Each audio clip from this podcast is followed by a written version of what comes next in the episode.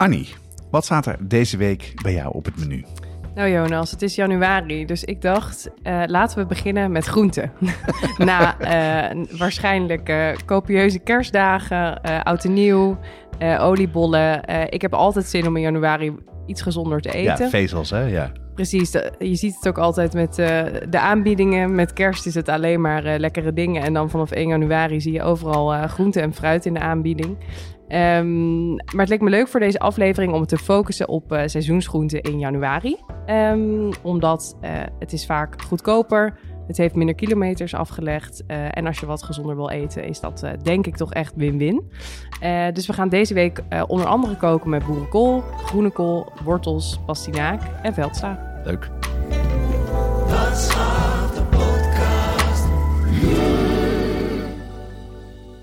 Nou, dat zijn veel uh, soorten groenten. Uh, en die komen uiteindelijk tot drie gerechten uit. Welke drie gerechten zijn dat? We beginnen met de Indiaanse boerenkool en doperwtenstoof. Uh, als tweede gerecht een winterse soep met groene kool en boontjes. en als derde gerecht honingwortel pastinaak met quinoa en rucola. Oké, okay, we beginnen in India.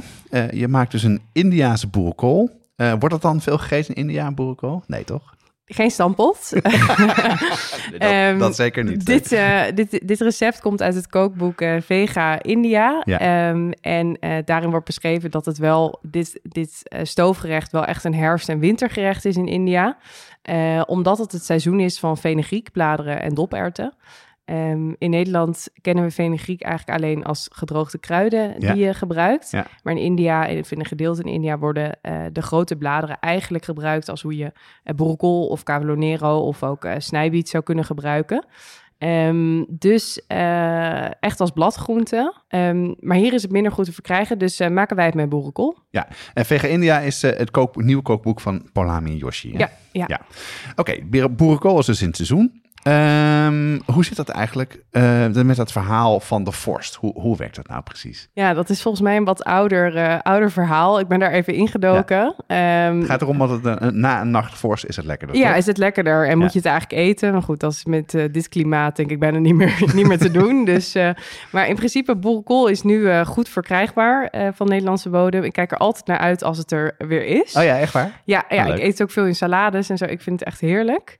Uh, en wat het, wat het verhaal is van die nachtvorst, is dat dat boerenkool lekkerder zou maken, omdat het er wat zoeter van wordt. Oké. Okay. Uh, en dat komt omdat uh, zodra het eigenlijk onder nul is, verandert de samenstelling van de bladeren, dat, wat van invloed is op de smaak. het wordt een verzoetingsreactie genoemd en dat, daar wordt zetmeel wordt omgezet in suiker. En dat geeft dus een zoetere, aangenamere smaak aan de boerenkool. Daar komt dat, dat verhaal vandaan. Oké. Okay. En doordat er meer suiker in de plant zit, is, werkt eigenlijk als een soort van anti, antivries. Dat de plant een lager vriespunt heeft, een beter bestand is tegen de kou. Dat is de reactie op dus dat uh, de temperatuur daalt. Okay. Uh, dat maakt zoetere boerenkool, maar wij maken er gewoon een hartig uh, recept mee. Dus volgens mij maakt dat eigenlijk in de praktijk heel weinig uit. Hey, en zou dat nog uitmaken als je hem zelf in de vriezer doet? Nee, hè? nee, nee, ik denk dat hij, daar, dat hij daar vooral heel nat van wordt. hey, vertel, hoe maak je dit Indiaanse gerecht? Ik ben heel benieuwd. Ja, het is eigenlijk best makkelijk. Je bakt een uitje met gember knoflook en je gebruikt uh, uh, amandelmeel uh, voor de binding uiteindelijk, om het oh, wat, wat dikker te maken. Dus dat is gewoon gemalen amandelen te kopen bij de supermarkt. Lekker, interessant. echt puur amandel is dat. Ja. Um, breng je op smaak met verschillende kruiden, zoals chilipoeder, koriander, maar ook komijn.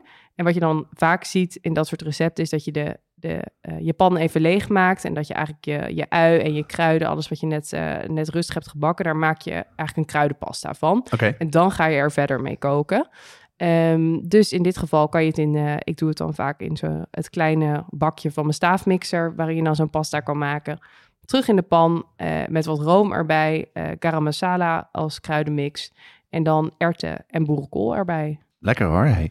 Hey, en, en die garam masala, dat is een soort van dat is een kruidenmengsel van verschillende soorten kruiden. Wat je vaak merkt dat in, in die Indiaanse keuken wordt het als laatste gedaan. Hè? Het is echt ook een beetje het aroma's die daarvan Ja, uh, of dat het nog zeg maar aan de bovenkant, zeg maar, dat er overheen bij het opdienen wordt, uh, ja. wordt uh, toegevoegd. En je gebruikt dat inderdaad dus niet op het moment dat je dus die hele kruidenpasta ook aan het bakken bent. Dus ja. je hebt inderdaad een soort van de verhitte kruiden en nog deze wat meer op het einde. Dat klopt. Dit is dus de, nou, wat je een sausig uh, groentegerecht. Ja. Heel erg veel lekkere smaken. En waar eet je dat mee verder? Uh, nou ja, ik heb tegenwoordig een rijstkoker, dus ik zou zeggen met rijst. Mijn lobby is geslaagd. Je lobby is geslaagd. Ik ben helemaal blij daarmee. Uh, maar in het recept staat dat je ook platbrood of zelf kan maken of kan kopen. En als je dan voor een snelle quick fix wil gaan, ik vind in de supermarkt heb je in de vriezer paratta's liggen. Een soort uh, zijn hele platte, ingevroren uh, platbroden die je even oppiept in de pan. Dan worden ze super flaky en nou, echt mega lekker. lekker. Echt een ontdekking. En dat kan je heel goed hierbij eten. Ja, en wat ik, wat ik dan vaak ook doe, is dat je hier meerdere grotere porties van maakt. Dat is vaak gewoon goedkoper om te doen en dan in te vriezen. En dan als je dan nog een keer een curry maakt later, heb je er twee. Dat is altijd een feestje Perfect. op het bord.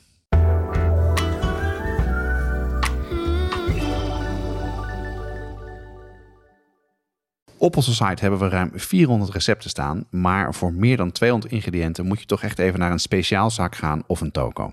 Ja, en vanaf nu kan je die dingen online vinden bij onze partner pimenton.be. Dat is de webshop voor foodies en hobbycooks. We hebben inmiddels al onze recepten gekoppeld aan een webshop. Bestellen gaat dus heel makkelijk. Het is alleen klikken op een link in de ingrediëntenlijst. Ja, en Pimenton zit in België, maar bezorgt in de hele Benelux voor 3,95. Ga naar pimenton.be om te bestellen. Goed, als tweede gerecht, eh, eh, als ik het goed onthouden heb, is dat een soep met groene kool en bonen. Uh, Ja. wat, eh, wat, wat is dat voor een gerecht? Ja, eh, nou ja, het, eh, het is januari, het is nog een beetje donker, dus ik dacht een winterse soep eh, past ook mooi eh, in dit menu. Het is eigenlijk een beetje boertig, als ik dat zo kan zeggen. Boertig, nee, ja, een beetje, zeg, een beetje grof. Ja, ja, Als in dus-. Ja, dus, dus eh, er zit kool in, er zitten bonen in, weet je wel, niet ingredi- ingrediënten waarvan je misschien gelijk denkt, oh, nou, eh, super spannend. Ja. Eh, maar dit is een lekkere maaltijdsoep die in een half uurtje en in één pan op tafel staat.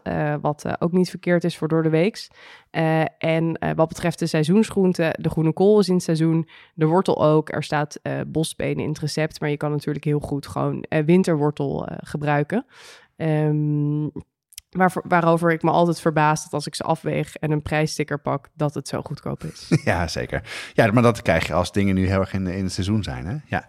En ik vind groene kool, kool is een van mijn favoriete groenten om mee te Ja? maken. Ik vind het vaak ook heel lekker om rauw te eten. Een beetje een soort van een beetje zoetig, eh, Ja. knapperig. En, eh, en zeker in soep kan ik me goed voorstellen. Vertel, hoe maak je het? Nou, het, eh, het recept komt uit de eenpansbijbel. en wat je doet, is dat je in een, eh, in een grote eh, soeppan of in een, eh, een eh, ja, ze hebben Creuset. dus af, een- ja, een Ja. creuset. Ja. Sponsor mij. Ehm, eh, je maakt, je maakt, je maakt in een grote pan maak je eigenlijk een basis van shallot en daar bak je ook stukjes chorizo, chorizo bij mee Oh, met lekker. wortel. En dan eigenlijk dus dat vet van die eh, chorizo, daar bak je dus lekker die ui en die wortel in. Daar komt al best wel wat smaak vrij. Ja. Mocht je het nou eh, vegetarisch willen maken, dit is het enige vleeselement wat erin zit. Dan kan je het er ook uitlaten en bijvoorbeeld wat gerookt paprikapoeder voor een beetje die smaak ook Ja, eh, ja. toevoegen. Ehm, nou, dat bak je lekker aan, dat het allemaal lekker zacht wordt. En dan voeg je groene kool in grove stukken en groentebouillon toe. Dat kan gewoon van een blokje. Je kan het natuurlijk ook zelf maken, maar je kan ook eh, een... eh, ze hebben in de grotere supermarkten best wel fijne potten, vind ik, van die groenten vol. Ja. Eh, wat iets meer smaak geeft, iets minder zout, maar dat geeft Ja. wel meer smaak. Dus daar maak je eigenlijk je soepbasis van. En wat er dan nog in gaat, is een blik eh lima-bonen afgespoeld voor nou, ook wel nog wat vulling in de soep. En als topping zit er dan crème fraîche met grove mosterd erdoorheen. En ingelegd mosterdzaad bij. Ja, ja. Hey, heel even over die, eh, want dat heb ik zo weten wat je bedoelt met die mosterdzaad. Maar eh, in groentebouillon, weet je wat echt super makkelijk is, makkelijk is om te doen? Dat, hebben wij, dat doen wij ook altijd. Wij hebben in de, de vriezer altijd een, een, een zak liggen. Ja, Als je aan het koken bent, alles wat overblijft qua groenten, die lekker in een groentebouillon zijn, doen, in die, doen we in die zak. Als die zak vol is, maak je daar een bouillon ja van. ik zag dit laatst op Instagram, Ja. maar ook uienschillen en zo. Dat toch? alles, alle, ja. alle restjes die je hebt. Het is echt heel lekker. Ja. Goeie en tip, dat ga heb je ik dus gewoon proberen. gratis bouillon. Gratis. En eh, anders gooi je het weg. Ja. Nou. Eh, die eh mosterdzaad, wat dat en mosterd, hoe zit dat precies? Ja, dus je maakt, ze maken een sausje zeg maar, van crème fraîche en grove mosterd. Nou, dat snap ik, dat is lekker. Ja. Ehm, en, maar ook ingelegd mosterdzaad. En ik dacht, nou, dat is leuk om het ook nog even over te hebben. Want ik zie dat steeds meer uh, op menukaarten, in recepten, op Instagram. Misschien is het ook omdat ik erop gefocust ben. Het is toch gewoon mosterd, of niet? Nee, het is niet echt mosterd. Okay. Uh, het wordt ook wel mosterd caviar genoemd, vanwege Oh. ook de structuur. En het mondgevoel waarschijnlijk. Dat Precies. Ja, ja, ja. ja. En uh, dus het is een beetje, nou, mosterdzaad is, is, het kan een beetje pittig zijn. Omdat je het inlegt, wordt het zoetzurig met echt, nou ja, die, die, die bolletjes van uh, dat gele mosterdzaad. Ja. En het is eigenlijk uh, heel makkelijk uh, zelf te maken. Oké, okay, ik zie aan je gezicht, dat, horen, dat ziet de luisteraar natuurlijk niet, dat jij hier je bedenkingen bij hebt. Klopt dat? Nou, mijn bedenkingen een beetje. Ja. Want ik vond het woord mosterd caviar een beetje stom, als ik heel eerlijk ben. Ja. maar ik heb het wel zelf gemaakt. Oké, okay, en is dat goed te doen? Het is eigenlijk heel makkelijk om zelf te maken. Ik had een recept van Culi gebruikt. Ik zal dat linkje ook, ook even delen. Want het is best leuk om een potje te maken. En dat, nou, en, en, best lekker, denk ik. Toch? Het is een beetje een kruising, denk ik, tussen, tussen wat zuurdere dingen en mosterd, toch? Precies. Dat, dat zo, moet een beetje zoet-zuur nou ja, eigenlijk. En met wel een lekkere structuur, omdat het dus een beetje knapperig is. Okay. Nee, hoe maak je het dan? Uh, wat je doet, uh, is dat je eigenlijk uh, het gele mosterdzaad, dat zijn dus echt die kleine bolletjes, kookt met onder andere rijstazijn, water, suiker en zout. Okay. Dat laat je, in het recept stond 45 minuten, maar bij mij was een half uur echt ruim voldoende om het op laag vuur. Dan wordt het bijna een beetje jelly-achtig in okay. zijn totaliteit. Daar komt ook dat, de caviar denk ik vandaan. Um, en dan is het eigenlijk klaar. Uh, dan laat je het afkoelen. Het is in de, in de ijskast is het twee maanden houdbaar. Je kan het eigenlijk bij alles eten waarbij je ook normaal mosterd zou eten. Nou, nu, ik zei al, ik zag het meer voorbij komen. Um, in het uh, kerstmenu van het NRC ja. stond het ook in de recept van Janneke Vreugdeheel. Ik heb dat met kerst bij mijn familie ook gegeten. Dus stond mijn tante opeens met een bak mosterdzaad in de keuken. ik zag het overal. En dat was een celery salade met zelfgemaakte mayo, waar ook uh, dus die pikkel doorheen zat en ook erop zat. Dus dan had je een half eitje op de salade met dan zo'n lepel van... Het ziet er ook wel, uh, het wel leuk uit. Ja. En ik had het zelf uh, met kerst ook gemaakt. Um, en toen had ik het geserveerd met gestoofde kalfswangen... met pastinaakpuree, cavolo nero... En dan dus zo'n lepel van dat mosterdzaad. Ja. Iedereen, wat is dat dan? Aan tafel, wat is dat? Luister de podcast. Luister hè? de podcast. Uh, maar dat was eigenlijk heel lekker. En het geeft net even ook, uh, nou, bij dat vette van die kalfswang gaf het ook net even dat zoetzuur wat het uh, goed doorbreekt. Dus ik vond het eigenlijk uh, tegen mijn verwachting in uh, ben ik er meer enthousiast uh, over, veel enthousiaster over. Dus nou ja, mocht je willen experimenteren met nog zelf een pikkel maken, maak. Ja, sim simpeler kan volgens mij niet. Simpeler toch? kan niet en dan heb je weer een leuk, iets leuks uit te leggen aan tafel als je een bordje neerzet. Heel goed, altijd leuk. Het derde gerecht, dat is een gerecht met wortel en pastinaak. Vertel. We sluiten af met de makkelijke bakplaat. In ja. dit geval een braadslee waar je lekker alles bij elkaar erin kan doen. Um, en in dit recept worden wortel en pastinaak worden gebruikt. zijn in principe allebei wortels. Ja. iets andere smaak, waarbij pastinaak toch wat kruidiger en aardser is. Um, en uh, wat je doet in dit recept, je schilt ze met een dunschiller en je snijdt ze in de lengte in, in kwarten, zeg maar. Oké, okay, dus je hebt gewoon vrij, uh, vrij dunne, lange, lange stukken. Precies, ja, ja, ja. ja, En een beetje van dezelfde grootte, zodat het in de oven dezelfde, dezelfde garingstijd heeft. Hey, ik zat een beetje naar het recept te kijken en uh, die smaak die je toevoegt, je roostert het een beetje met honing en wat, wat olijfolie en roosmarijn. Uh, en daar gaat ook quinoa bij met kokend water. Dat heb je natuurlijk al eerder al een keer verteld met rijst volgens mij. Dat het in een traybaker, zo'n zo'n bakplaat ding goed werkt. Ja. maar er staat ook bij dat je het moet afde afdekken met aluminiumfolie. Waarom is dat dan?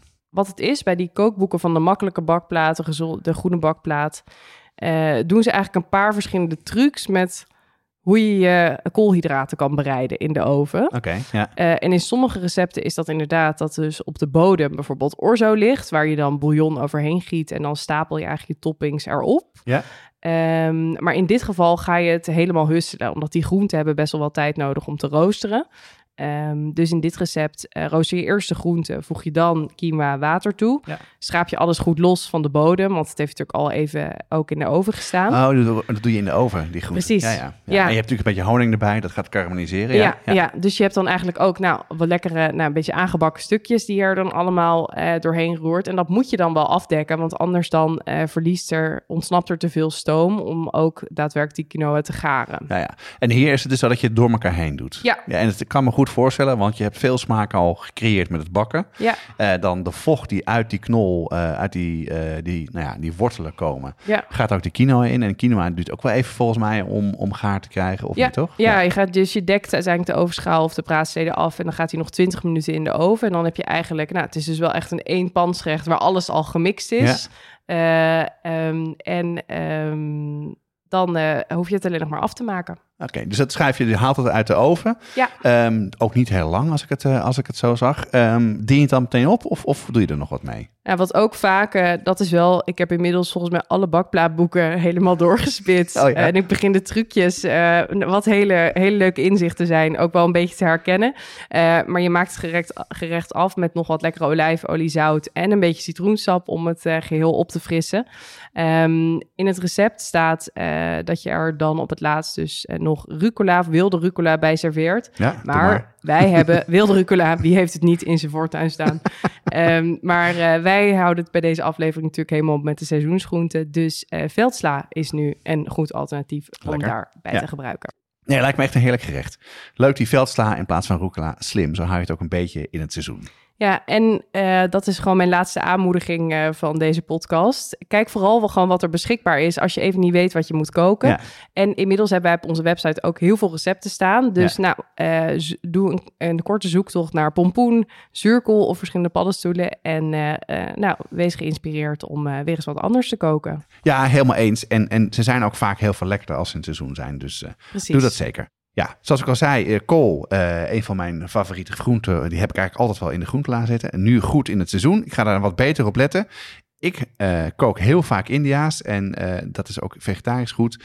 Heerlijk met boerenkool of de India's ga ik zeker maken. Donderdag is er weer een reguliere podcast waarin we het gaan hebben over cannelés. We gaan weer bakken. Ja, en ik kan je vertellen, dat het lijkt makkelijk, maar dat is het niet. Wil je deze gerechten ook maken? Kijk dan in de omschrijving van de podcast-app en klik op de links. Dit is een productie van Watschaf de Podcast en deze week hoorde je Jonas Nouwen en Arnie Taselaar.